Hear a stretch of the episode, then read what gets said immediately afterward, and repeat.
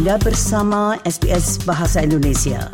Dapatkan lebih banyak lagi cerita bagus di sbs.com.au garis miring Indonesia. Para pendengar sekalian, kota-kota besar di Australia seperti Melbourne, Sydney, dan Adelaide sering kali masuk dalam peringkat kota paling layak huni di dunia. Namun tidak semua orang memberikan penilaian yang lebih tinggi terhadap kota-kota tersebut sebuah laporan baru menemukan bahwa kaum pribumi, non-biner, dan perempuan memiliki pengalaman hidup yang buruk. Berikut ini adalah laporan selengkapnya yang disusun oleh Omo Belo untuk SBS News. Australia dikatakan semakin tidak layak huni bagi masyarakat pribumi dan beberapa kelompok masyarakat lainnya. Laporan State of Place terbaru yang dikeluarkan oleh organisasi riset data PlayScore menunjukkan bahwa kelayakan hidup Australia menurun secara keseluruhan bagi banyak warga Australia. Namun masyarakat pribumi dan kelompok non-biner adalah yang paling terkena dampaknya. Kepala Eksekutif Playscore, Kali Lake, mengatakan laporan tersebut menyoroti apa yang menjadi perhatian masyarakat di lingkungan mereka.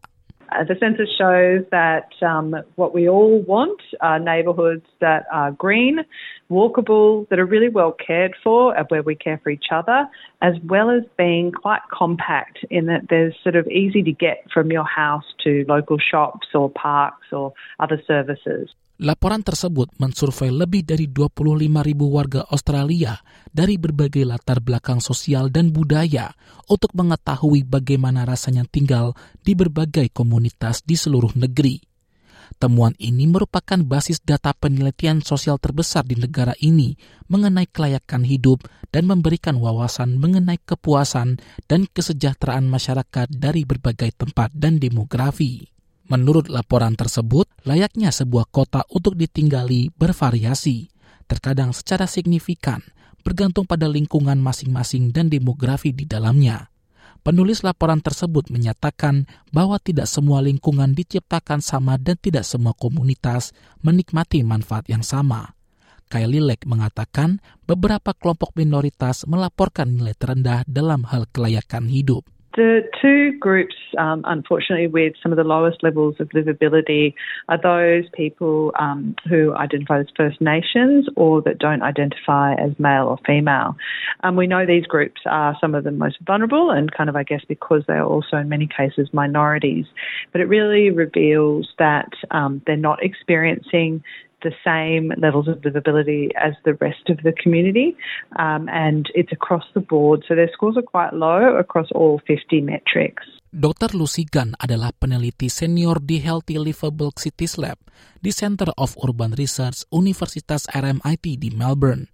Dr. Gunn mengatakan hasilnya bukanlah hal yang aneh. We do know that a lot of Aboriginal and Torres Strait Islanders people, some of them live in low SES areas. So when we're looking at this from an objective point of view, um, using data that is uh, coming from the ABS, which is the Australian Bureau of Statistics, um, using their socio-economic index for areas, we tend to find that a lot of Aboriginal and Torres Strait Islander people live in poorer areas, essentially. And so when they're looking at the quality of their environment, they're rating it um, given that it's a poorer environment. So what we tend to find is that we've got people who individually might be of low socio-economic status, but then they live in these poor environments as well. Um, and so it's not really a surprise that we see them rating the livability of their areas um, not particularly well in this report.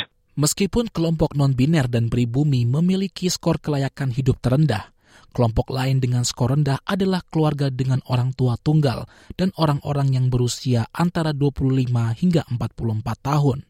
Selain itu, perempuan berada pada matriks kelayakan hidup yang lebih rendah dibandingkan laki-laki. I think we have really revealed that there's a connection between the density of neighbourhoods, being lower densities are definitely less livable for the communities um, from their perspective, um, and that we also see a relationship between uh, poorer livability, um, social disadvantage, and economic disadvantage, as well as poorer mental health.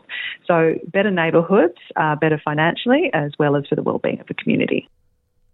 Dr. Gunn percaya bahwa meskipun kota-kota di Australia berjalan dengan baik, masih banyak hal yang perlu dilakukan di seluruh wilayah negara ini, terutama di daerah pedesaan. Dia mengatakan penting untuk memiliki ruang yang kohesif secara sosial dan inklusif, serta ramah lingkungan bagi semua orang. A continual problem that we seem to have is that we have lower density cities in the middle and outer ring suburbs, and we have less public transport and less destinations for people to go to. Um, and this creates all sorts of unusual situations that can lead to inequities. So, inequities in access to employment, um, inequities in access to education, and also we tend to end up pushing people um, because of how to, housing affordability and also availability now uh, onto the fringes. And so this creates more inequities for, for certain um, groups of our society. And so this is where I think Australia really needs to do a little bit more work in terms of making sure that the cities um, broadly, so middle and outer ring suburbs as well as the inner suburbs, all have good access to the the key ingredients that make for livable cities. Demikianlah laporan yang disusun oleh Omo Belo untuk SBS News dan dibawakan oleh Dilail Abimanyu untuk SBS Bahasa Indonesia. Sukai, berbagi, komentar. Ikuti SBS program Bahasa Indonesia di Facebook.